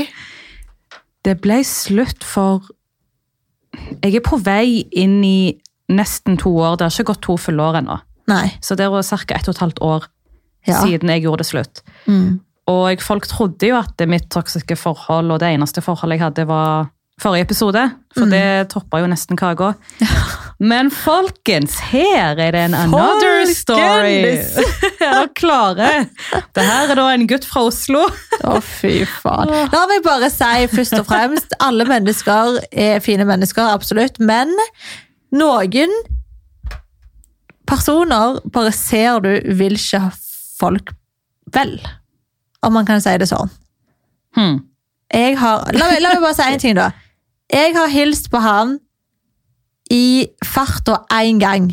Sånn det er hei faktisk sant. aldri altså aldri tilbrakt noe tid med han, og du, kusina mi, og vi henger sammen hele tida. Det er fordi han fader aldri ville komme på besøk. Ja, så jeg Ja. Ah. måtte bare få lagt inn den der, bare for å liksom vise hvor lite involvert han var med folk i ditt liv. Jeg skulle trodd jeg data faen en ghost. Ja, altså, jeg trodde ikke på at han var en type, liksom. Nei. Nei. Men eh, Fortell. ok, let's just eh, Let's jump, jump. in it. Ja. Um, når jeg flytta til Oslo, typ, så begynte jeg å jobbe. Og jeg ble kjent med han her gjennom jobb, da. Um, og så visste jeg ikke så mye om han, egentlig. Vi endte opp med å jobbe sammen i den ene butikken en dag, for vi jobba på to ulike butikker. Men for samme jobb, da. Mm, samme bransje, eller Samme bransje, ja. firma. Ja, samme Ja. firma. Eh, Men vi var på ulike avdelinger, og så plutselig en kveld så får jeg melding av en kollega av meg om at han og denne her gutten da, som endte opp med å bli kjæresten min, eh, skulle ut på en bar eller noe og spurte om jeg ville være med. Og jeg var sånn, ja, ja, why not? For du vet, jeg er spontan, jeg kjeder meg, jeg sier ja til Du, alt. Ut på eventyr. Yes, woman. Så vi drar ut, og på den tiden, ja, da drakk jeg. Mm. Ehm, så da tok vi et par drinks, men eh, jeg var forsiktig, for jeg skulle på jobb dagen etter. Ja. Og den gutten da ble veldig drita. Eh, han klarte nesten ikke å gå, så han basically Ærlig, han tvang seg selv til å sove hos meg, fordi når jeg skulle av bilen, så går han av bilen, og han skal liksom inn til meg. Ok. Og jeg sier til den andre kollegaen min Det er litt creepy, da. Kan du få han til å gå hjem? Hva faen skal han gjøre hos meg? liksom? Jeg vil ikke Ja. ha han hos meg, ta han med hjem. Den shitface Ja, ja. mann, liksom. Ok. Og han prøver å ta for han til å komme inn i bilen. Nei, det gjør han ikke. Han var jo så wasted. Så til slutt så tenkte jeg ok, vet du hva. Jeg kjenner deg ikke. Jeg har så vidt snakka med deg en gang før, men du får bli med inn. Um, Det er sporty av deg, faktisk. ja. Ja, det må jeg si. Jaha. Og Ja. så Alle skjønner nok hva som skjedde den natten der. It was supposed to be a one night stand. Ja. Det, men eh, Standard. Ja, jeg vet ikke hva som skjedde. Det, vi lå sammen den kvelden, men vi endte opp med å bruke hele helga sammen. Ja. Vi var med hverandre hele helga. Koselig, da. Det var det. Mm. Vi viba. Det var plutselig en kjemi som ikke jeg visste egentlig eksisterte der. Ja. Men problemet her var jo egentlig at det- etter den helgen så Altså, vi snakka ikke om hva vi var, men vi fant fort ut at ok, vi er jo egentlig sammen. Etter ei helg. Ja, altså, vi rakk ikke å holde på, Vent, skjønner du. vent, vent, vent, vent, vent, vent. Wow, det gikk så fort! Det gikk så fort, og du Men, vet... nei, hvordan ei helg? Nei, men hør da! Tingen er at Jeg tror jeg var så ensom, sant? Jeg hadde nylig flytta til Oslo. Du hadde jo oss! Ja, ja, men du vet, jeg bodde langt ute i hyttepine ute på Asker, og du vet, jeg var sånn Hæ? Og så Ja, jeg vet det høres sykt ut. Det, det er aldri noe jeg hadde, gjort- aldri noe jeg hadde gjort nå. Altså, bro, vi var så jævla skada før, ass. Du vet når jeg ser tilbake, jeg tenker Var det her meg? Ja. Jeg skjønner ikke. What ei helg! Altså, det der tar faktisk kake. Ok, ja, Men hør, fortsett. det verste er at jeg flytter inn hos den fyren på Etter ei helg! altså, kanskje ei uke etterpå finner jeg ut at nå skal jeg eh, si opp leiligheten min og flytte inn til han. Oh my god. Ja, jeg vet ikke hva det var. Jeg tror Og folkens, jeg må bare si hun er oppegående i dag. Hun var ikke det da. ok? Jeg var oppegående da, jeg, Nei, men jeg, nei. Ei helg og ei uke.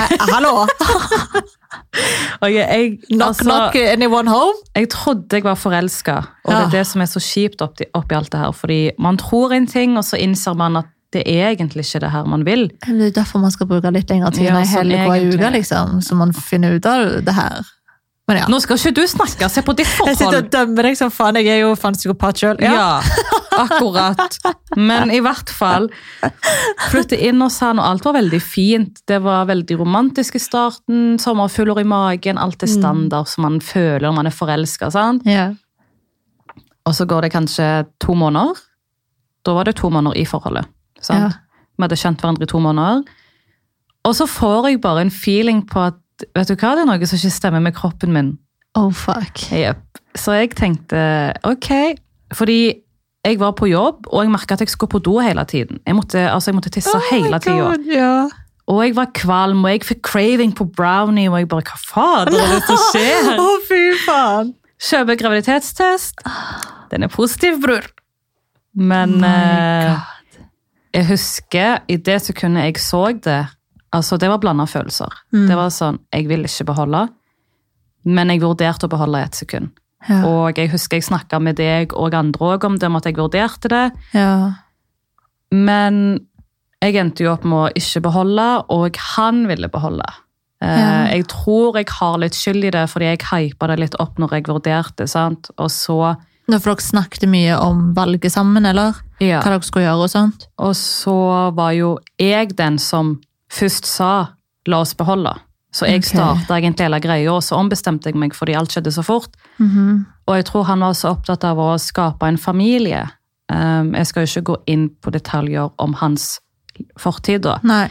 Men eh, han var jo veldig alene. Det er det eneste jeg kan si, så jeg tror han hadde et håp om at han ville ha en familie. Ja. Um, og jeg, jeg kjente at jeg klarte egentlig ikke det, fordi at eh, Med tanke på fortiden vår, sant. Det, det skremte meg, og ærlig, jeg var veldig på det at hvis jeg først skal ha et barn, så skal jeg gi det barnet det beste livet. Jeg skal ikke ende opp med å bli som min mamma, da. Vi er så like der. Og det skremte meg, og jeg, fort, jeg fortalte han det, fordi han visste litt om fortiden min. Og jeg var sånn, men jeg tør ikke. Hva om jeg plutselig mister kontroll? Hva om jeg blir sånn som hun? Mm. Jeg kan ikke kontrollere det, og når jeg er så usikker, så Og så ung. Ja, jeg var rett før jeg ble 23. Så jeg var sånn, men hva hvis jeg beholder og ender opp med å bli helt klin koko, og hva hvis barnet var Altså hvis alt det der skjer igjen, da. Mm. Standardtankene. Og altså, han viste ikke forståelse. Mm. Så jeg tok den avgjørelsen alene. Men eh, han var snill, så kjørte meg til sykehuset, da. Ja, det skulle jo bare mangle. Det skal han ha. Men han eh, valgte å dra på jobb. Og så Altså, var ikke med deg når du tok abort. Nei, og jeg var veldig sånn Er du seriøs? Du vet at du får fri fra jobben. Ja. Eh, Han bare nei, jeg skal på jobb. Jeg bare eh, greit. Han kjørte meg til sykehuset, han dro på jobb, og dette var på morgenen, så han var ferdig på ettermiddagen. ja. Og så utførte jeg operasjonen, da. Operasjon? Um, ja, jeg, de opererte. Og de skrapte det ut. Jeg vet ikke hvordan de gjør det, men jeg, de la meg i narkose, Ja, liksom. ja, da så var det det var sånn ikke skraping. sånn eh, med tabletter. Nei, og- ja. Um, og så Altså, det eneste jeg husker, er at jeg står opp og jeg hylgriner. Jeg vet ikke hvorfor jeg hylgriner, men jeg Det er ikke så hylgriner. rart. og det er Jeg akkurat grein og utført grein og det nå. grein. sånn, Ja. Og så er det ingen der, sant? Jeg var jo alene, og jeg tenkte Mm. Nei, ok, hva elskling. fader er det her? Og så kommer det en sykepleier og sånt, og jeg bare ja, du kan dra, har du noen som henter deg? Jeg bare nei. Det var ok, greit, men jeg kan bestille en taxi Mm. for deg. Jeg bare ok, greit. Drar jeg hjem, og jeg lå i senga i hele dag. Jeg hadde jo akkurat hatt en operasjon. Nå så faen du får helt vondt av deg. Det er litt sykt egentlig at jeg har gått gjennom det. Ja, det er sånn man men Helt glemmer. alene, liksom. Det er jo det som er helt jævlig her. For det, er bare, liksom, det å gå gjennom en abort er jo forferdelig i seg sjøl, men å Men ikke det er ha noen ved siden av seg Hvor faen var jeg? Jeg vet ikke. Men jeg var ikke så flink til å snakke om ting heller. Sant? Så Nei, altså- om du så var til stede, så var det jo min feil, for at jeg sa ikke fra. Ja. Og jeg forventa jo at han skulle være til stede. Det er jo selvfølge, fordi det var jo typen min. ja. Så jeg kommer jo hjem, og jeg visste at han ennå var på jobb. Jeg legger meg i senga, men jeg merker at eh, tiden liksom flyr, og det begynner å bli seint, og klokka begynner å nærme seg ti, og jeg bare Hvor fader er han? Mm. Så han kommer jo seinere på kvelden, og jeg, han hadde slutta på ettermiddagen på jobb. ja. Så jeg vet ennå ikke til den dag i dag hvor han var alle de timene etter jobben. Nå, fy faen. Men han valgte å være et annet sted, og ikke være der for meg når jeg gikk gjennom den pr- perioden der. Og samme dag. Og da tenker jeg, hvordan klarer du? Men Sant? jeg tenker liksom, hvis man på en måte skal se det litt fra hans perspektiv òg Altså Hvis han veldig veldig gjerne ville beholde Altså Det eneste han tenkte på, var at du har drept barnet mitt. ja. Og den fikk jeg høre ofte. for, for han så var det sikkert det drittøft. Han klarte sikkert ikke å være der for deg. Jeg vet ikke. Og igjen, hvis han på en måte følte det her med at ok, du har drept barnet mitt, så er det jo kanskje like greit at han ikke var der, for da hadde du sikkert fått det enda jævligere om han skulle sitte der og, s- og så liksom gi deg dårlig samvittighet Mm, for at du akkurat hadde utført det. det er det. Så på en måte hadde det sikkert, så er det sikkert bra at han ikke var der, men på den andre siden så er det liksom sånn, dere er jo i det sammen. Ja. Ja. Jeg vet egentlig ikke. Jeg tror det, det er noe jeg ikke vil ha svar på. Og jeg tror ikke jeg får svar på det heller den dag i dag. Mm. Men eh, ja, for dere har ikke snakket om det. egentlig ikke. Det er egentlig like så greit, fordi det er en periode som egentlig bare kan slettes fra livet mitt, for å si det sånn. Ja. Um, og det er sikkert mange folk som kommer til å dømme både meg og deg der ute for at vi valgte å ta abort, men det er mye de ikke vet, Mm. og vi har våre grunner. Vi tar ikke abort bare for å ta abort, for å si det Mm. sånn. Nei, og i mitt tilfelle i hvert fall så brukte jeg jo også prevensjon liksom. Ja. Så det var ikke sånn at jeg Men det var det jeg gikk på p-piller, jeg òg. Ja, ja jeg, det, jeg, jeg vet. skjønte det ikke. Nei, Jeg det er det jeg vet. Og det hvordan er kan jo skje. mulig? Ja, ja. Så etter det, altså du vet, jeg tar jo jeg har liksom et fucking lass med ja folkens, hun Graviditets- tar en ny prøve hver måned. her panikk. Altså Selv om jeg ikke har hatt 63 siste månedene, så må jeg fortsatt hver måned Mm. ta graviditetstest. For jeg har helt totalt panikk for at plutselig skal jeg være gravid igjen. Helt Ja. uvitende. Ja, men det skjønner jeg. Det er jo Ja. skummelt. Du vil ikke gå gjennom det igjen. Nei, fy fader. Men ja, eh, hva skjedde videre? i hvert fall, tiden gikk jo, og altså ærlig, jeg vet Jeg skylder jo på det med aborten, fordi etter det så ble forholdet rart. Det var ikke det samme. Mm. Det Jeg vet ikke om jeg vil si at følelsene forsvant, men det var noe som mangla der. Mm. Og det var ikke like mye nærkontakt som det pleide å være. Nei. Så det begynte jo å dø, dø ut da. Og så en liten periode etter aborten, kanskje to-tre måneder etter, em, så var det jo typ sommer i Norge, veldig, veldig varmt, og jeg, sånn som jeg er vant med, så går jeg i en T-skjorte som er litt cropped, som viser litt mage, sant? Jeg Ja. går med en shorts, det er vanlig. Ja, ja. Og da begynte han å kommentere, men nei, du får ikke gå med det. Hvorfor skal du gå med det? Og da måtte jeg skifte. Og da var jeg sånn, men det What? koker jo, det- hva skal jeg ha på meg? Midt på sommeren, Ja, liksom. ja, ja, det var sommer, og Men jeg, hadde han vært sånn fra starten av, eller Nei. bare plutselig skjedde det? det skjedde. Ja. Og da var jeg sånn, men hva er det som skjer nå? Det her kjenner jeg ikke til. Nei. Hvorfor skal du begynne å kontrollere hva jeg har på meg? Ja. Jeg skal jo ikke, sant? Og jeg vet ikke hva han tenkte, men jeg regner med at det er sjalusi, men igjen, jeg må få lov til å gå i hva jeg vil gå i, fordi, Bro, altså, det er sommer. det er det. Og jeg skulle Let ikke it gå go med en live. gutt eller noe, jeg skulle gå med familien min. Det, Det, som er så det jævlig er det sjukt. verste av alt. Du skal Åh. møte min familie. Apropos det med familie, da. Han eh, begynte jo å reagere på at jeg skulle være med familien. Han begynte å reagere på når jeg skulle sove hos familien. Det husker jeg du òg reagerte på når du og jeg skulle sove over. Jeg bare, men jeg Jeg må Jeg- hjem. må hjem. Og der har vi samme greie. Vi så ikke deg når du var i det her forholdet. Dere så ikke meg når Nei, nei, det, jeg var sammen Altså, det, med jeg Per. forsvant, og altså, familien de kommenterte med at vi ser deg aldri, hvor er du? Du er ikke med på det, du er ikke med på det. Og jeg var sånn hva skal jeg si, typen min vil ikke. Ja, for en periode før det her, eller før du møtte han, så bodde du til og med hos mamma. Ja, ja. Så du var jo som dattera til mamma, Det liksom. er det. Sidra, du var jo storesøstera til Sidra. Du var liksom alltid Jeg var med mer oss. søster og hennes enn det du var. Ja, jeg for å var si det reist sånn. hele veien i den perioden, så du var liksom her. Jeg ble til og med sjalu på dere, liksom. Du Jeg ble, ble hva faen, det. så ta plassen min. Så det kom som et sjokk for alle, egentlig. Ja, og eh, Det er jeg, fra det til at plutselig så så jeg meg deg ikke, for du fikk deg en type, og ingen hadde hilst på han hva her fyren. unnskyldning var det jeg brukte? Du kom alltid med veldig sånn her unnskyldninger som man bare hørte var bullshit. Ja. Og vi ville ikke heller grave. Jeg husker jo at Nei. vi prøvde ofte å være liksom sånn, i hvert fall i starten. Mm. Sånn, men herregud, Olav, altså, du må jo kunne være med familien din. Hvorfor forsvinner du, bla, bla, bla. Og når du bare kom med unnskyldninger, så bare fatter vi at ok, det her må du finne ut av sjøl. Fordi uansett når man er i et sånt forhold, så hjelper det egentlig ikke hva alle andre sier, for du må innse det sjøl til syvende og sist. Ja. Nei, det var jo det som skjedde, egentlig. Og jeg kjente jo at jeg begynte å reagere sjøl med hvorfor får ikke så hos min familie? Skal det tanten min? Skal du ikke si noe mer? sykt. Og jeg måtte liksom krangle meg fram til overnatta, og da tenker jeg, men det er min familie. Det er blodet mitt. Jeg sier ikke jeg skal gå så hos en kompis. Det Det er er tanta di, familien liksom. min. Hallo. Hvem er du som akkurat kom i livet mitt og sier ikke gå til familien din? Men igjen, jeg var også dum, fordi jeg lot meg bli kontrollert, ikke sant? Ja. Fordi jeg var så redd for at det skulle ødelegge for det som var mellom meg og han da. Hmm. Men etter hvert så innså jeg jo at han er jo bare mer og mer kontrollerende. Han skulle begynne å kommentere på hva bilder jeg kunne legge ut. Jeg kunne ikke legge ut hva jeg ville på Instagram, for eksempel. Hmm. Og da var jeg sånn, hm, ok, hva er det som skjer her? Jeg måtte kutte ut alle guttekompisene mine. Åh, Og jeg er veldig Oh My sånn, God. jeg vil ikke kutte ut mine nære folk for en person. Det blir feil, fordi jeg har lov til å ha venner. Og det, Selvfølgelig. ingen skal si til meg, du kan ikke ha guttekompiser i livet ditt.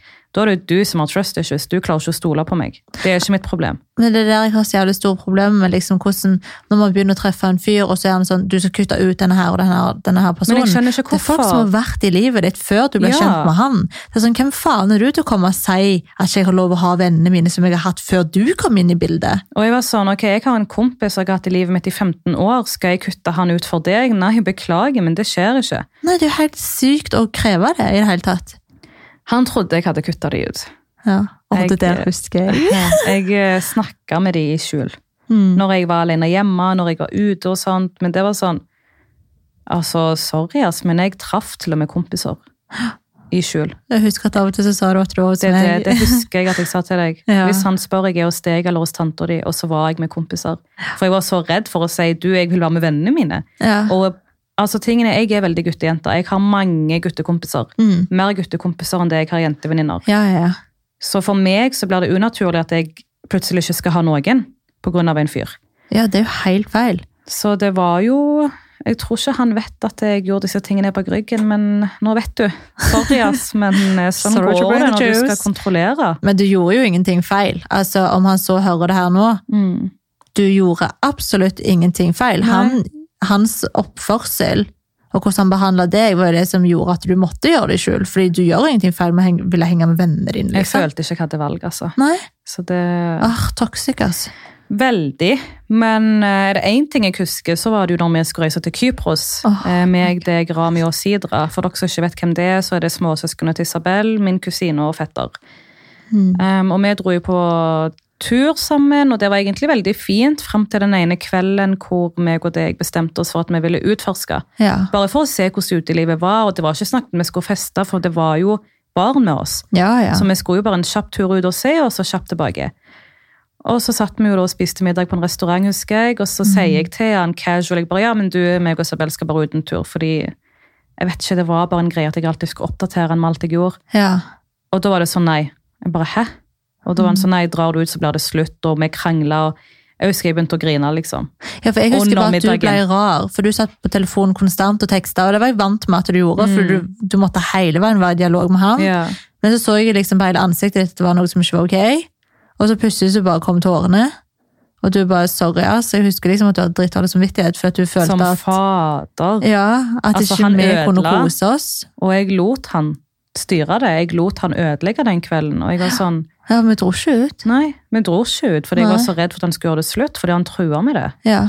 Og jeg Det er jo sykt å se tilbake på hvordan jeg lot han kontrollere meg. Altså, vi skulle legit, Hotellet vårt lå kanskje fem minutter unna. Altså, altså, vi skulle bare gange. gå i den gata og se, og så tilbake igjen. Vi skulle ta en drink maks, for vi hadde våre små søsken med. De var ikke små, bare så dere vet. De var liksom, hva var de, 13 og 11 kanskje? Ja, jeg tror det var den. Ja, ja, ja. Så vi skulle Det var bare se den en der. film på hotellrommet, vi skulle ta en liten tur, halvtime, komme tilbake igjen. Mm. Så, ja, nei, herregud, det ble jo et helvete. Ja, ja. Så eh, den kvelden der ble ødelagt takket være han, Mm. og takket være meg som ikke klarte å stå opp for meg sjøl. Mm. Men når du først er i det, så er det veldig vanskelig å innse at det her er ikke greit.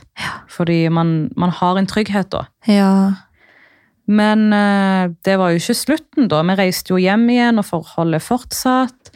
Og så husker jeg jo at du skulle ta familien med til Dubai. ja. Så vi reiste jo til Dubai på familietur, og det var det jeg sa til han, for det var jo familietur. Ja, ja. Men i Dubai, altså på utestedene der, så er det jo veldig normalt at det hver kveld så er det en ny artist eller en ny rapper som skal synge Mm. og ha show da, på Ja. utestedet. Og vi var jo veldig sånn, ok, vi vil se han, vi vil se han, vi vil se han, for det var store artister. Ja, det var hva snakk om altså, faen? verdenskjente Tiger kunne være der en kveld. sant? Ja, det, var- det Det var var jo stor. dritgøy. Neo var jo der den ene kvelden og Ja, alt det ja. der. Og så sier jeg til han, jeg bare du forresten, for han spurte jo ja, hva skal dere gjøre? Jeg bare nei, i dag skal vi det, i morgen skal vi det, og så skal vi det. Ja. Og fortalte han om alle artistene, og han bare nei, du får velge en av dagene. Jeg bare, hva mener du? Han bare, du sa det var familietur, du sa ikke det er festetur, hvorfor har du gjort det om til en festetur? Jeg bare, det er jo familietur, men vi vil ut og se livet, vi vil... Altså, Bro, jeg kan gå mamma er ut og med. se artister gratis, skjønner du? Ja, og mamma er med, så hun er hjemme med kidsa. Det er Meg, det. deg, Jasmin, vi er unge ja, ja. ungdommer, har jeg lyst til å si. Men Jeg ikke var ungdommer 23. lenger. Ja, og vi ville ut og feste på kvelden. Altså, hallo, hva faen? Det, Hva er det er helt feil med normalt. Ja, på Så- ferie, liksom. Ja, jeg skjønte ingenting. Jeg bare, hva mener du? Velg en. Jeg bare, du får velge en. Eller så blir det slutt. Ikke prøv deg. Du sa det var familietur, derfor jeg lot deg reise. Jeg tenkte, Hva derfor du lot lot meg meg- reise? Oh my god, jeg ble så provosert, vet du. Og jeg bare, ja vel, greit. Eh, hvis det er sånn du vil ha det, Mm. fine. Eh, han trodde at vi dro ut en kveld. Vi var ute Altså, s- vi var hoes hver kveld. Men eh, det var veldig sånn altså Det var litt kjipt, fordi jeg kunne ikke legge det ut på sosiale medier. Og jeg måtte si til Isabel og Jasmin at uansett hva dere filmer, ikke film meg, for han kan ikke se at jeg er ute. Altså, vi måtte skjule det. Det var low-key. Ja, ja, du var liksom igjen på hotellet med Ja, mamma ja. og Rami Sidra, du. Og meg og Jasmin var ute uten Det er deg. det. Så jeg måtte hele veien dobbeltsjekke, og du vet, jeg var jo shitface på byen. Hun var jeg så sånn, wasted. Kolhas, gjem deg! Bak meg! jeg var så redd, jeg var jo sånn, syns du i glasset? Det er syns det. du i flaska? Og jeg bare la Og det er Oh liksom my god! Det var så sykt, men vi dro jo ut og koste oss. Ja, faen, vi hadde the time of our Men, lives, men det eh, bare suger at du liksom er nødt til å skjule at du koser deg med kusinene dine, liksom. Det, Det er det. er der også, det er liksom sånn, hallo, red flag herfra til helvete, liksom. Jeg beit jo tennene sammen. Men ja, du, hvis du hører på Jeg løy. Jeg var ute hver kveld i Dubai, altså.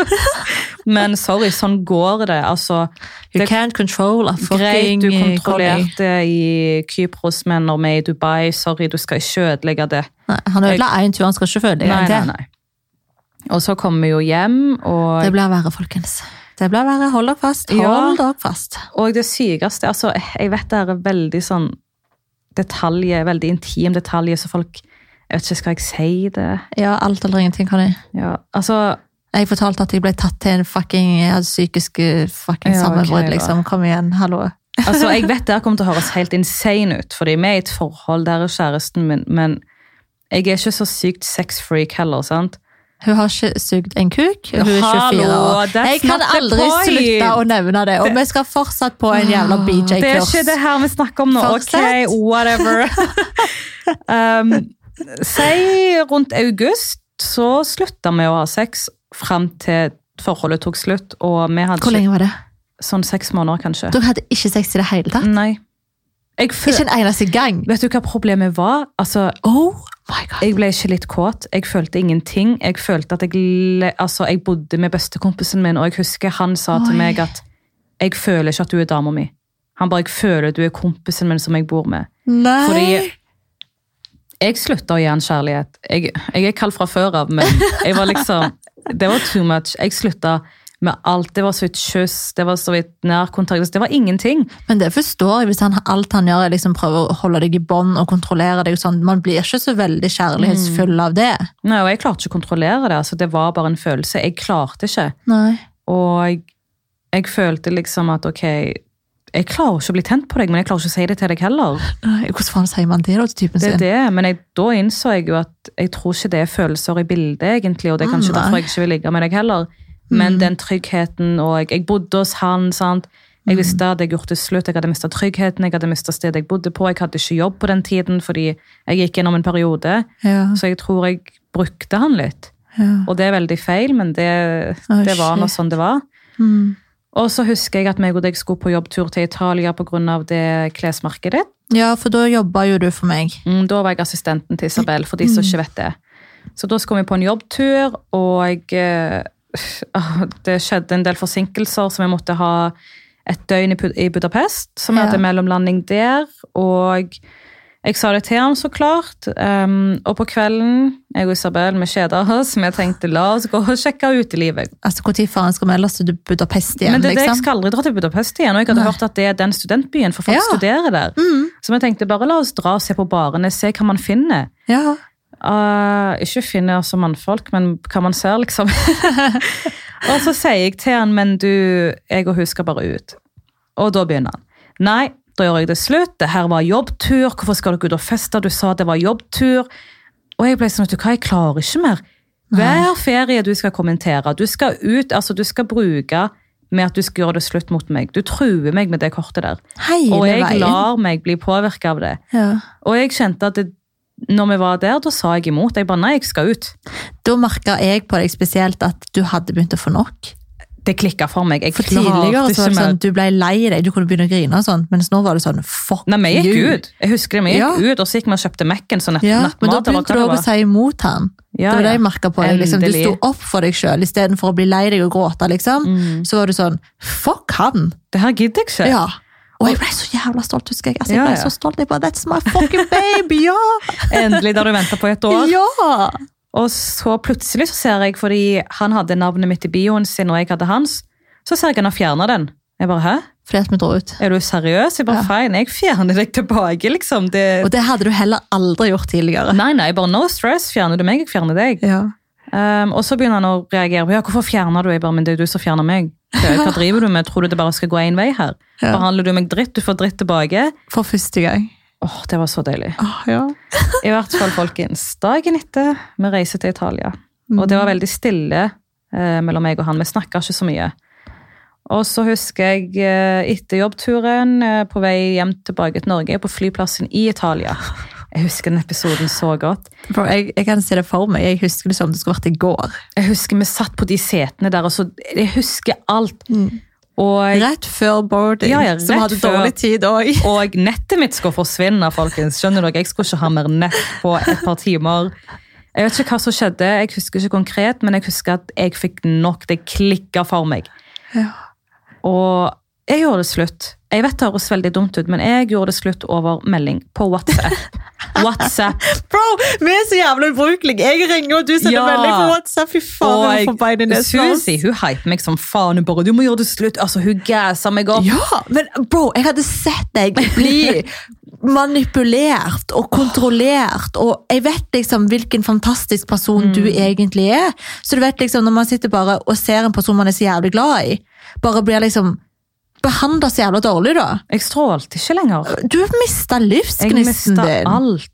Og det er liksom man føler seg så jævlig hjelpeløs, bare. Det er så når jeg det. endelig så at faen, du fighter tilbake, jeg bare Når kan jeg? Nå! Mm. Slå opp, flytt inn til meg, du jobber for meg uansett, du trenger ikke han, fuck det, come on! Så jeg tenkte, vet du hva, fine, jeg sendte den lange meldingen. Jeg føler vi er helt hyped. Og da, folkens, da får jo han panikk, fordi han har jo aldri sett meg dra det kortet. Du har jo aldri sagt Nei. noe sånt til han. Og jeg sendte en lang melding der jeg virkelig sa at vi to er ferdige, det går ikke lenger. Ja. Og sorry, men han ble så desperat at han var sånn, neimen, please, en siste sjanse. Du kan gå på byen, du kan gjøre hva du vil, du kan være med gutter. Du kan, altså, han var sånn, du kan til og med få lov til å kysse dem, bare ikke ha sex med dem. Han var så desperat Oh God. for at jeg skulle være igjen. Jeg bare, nei, Ja. det her går ikke, det skjer ikke. Nei. Jeg gjorde det slutt. Satt meg på flyet, kom hjem til Norge. De meldingene. Å, jeg Det- husker det. Du ble ja, ja. spamma. Det var masse, og det var mye meldinger den første perioden etter at jeg gjorde det slutt, fordi da innså han at shit, han har mistet noe. Men han hadde lagt opp til det selv, og da innså han også hvor kontrollerende han var, men det var ikke godt nok for meg. Så jeg flyttet jo inn til Isabel, jobbet for hun, og så etter hvert så, altså jeg kom meg på beina veldig kjapt. Ja. Jeg eh, moved on, vi reiste kjapt til LA og Vegas, eh, fikk meg kjapt et nytt ligg. ja, men da fikk du liksom livsgløden din tilbake. Men altså, jeg husker til og med på nyttår, når jeg var sammen med han, at jeg sa nei til å være med deg og Å, jentene. herregud, jeg for at ble jeg så skulle være lei med han. meg. Og det verste er, folkens, jeg skulle være med han.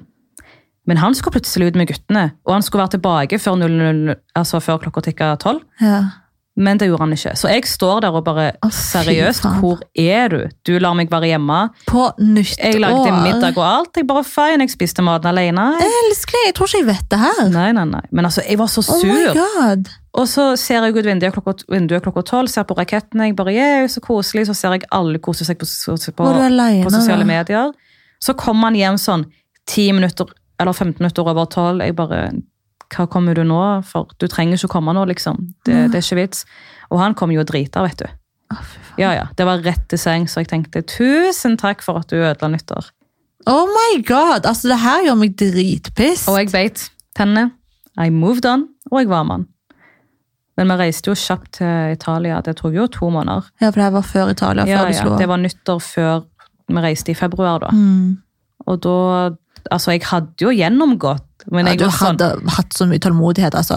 Jeg har aldri møtt noen med så mye tålmodighet som du hadde mot han. Og der igjen, du var ikke psykopat mot han. Det var han som var Det var liksom bare du som fikk motta, motta, motta, motta. mm. At det at du holdt ut såpass lenge er for meg et mysterium, ass.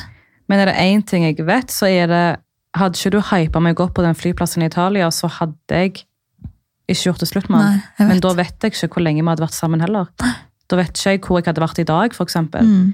Fordi Altså, han var jo en av grunnene til at jeg ikke kom meg opp på beina og ikke fant meg jobb og alt det der. Så Ja. hadde jeg vært med han, så hadde ikke jeg vært her Nei. med deg akkurat nå. Bro, jeg hadde sikkert ikke kjent deg lenger. Det er det. Så Ja, men det er trist, men sant, altså. det er sånn. Men sant. du vet liksom, jeg bare så at vet du hva, det her, det her er, det er noe jeg skal pushe på, liksom. Jeg Man må- husker du sa at du kjente deg igjen. Du Mhm. så meg i deg bare nå tidligere, liksom. Og så sa jeg også det, jeg husker det så jævlig godt, at man må liksom innse det selv først.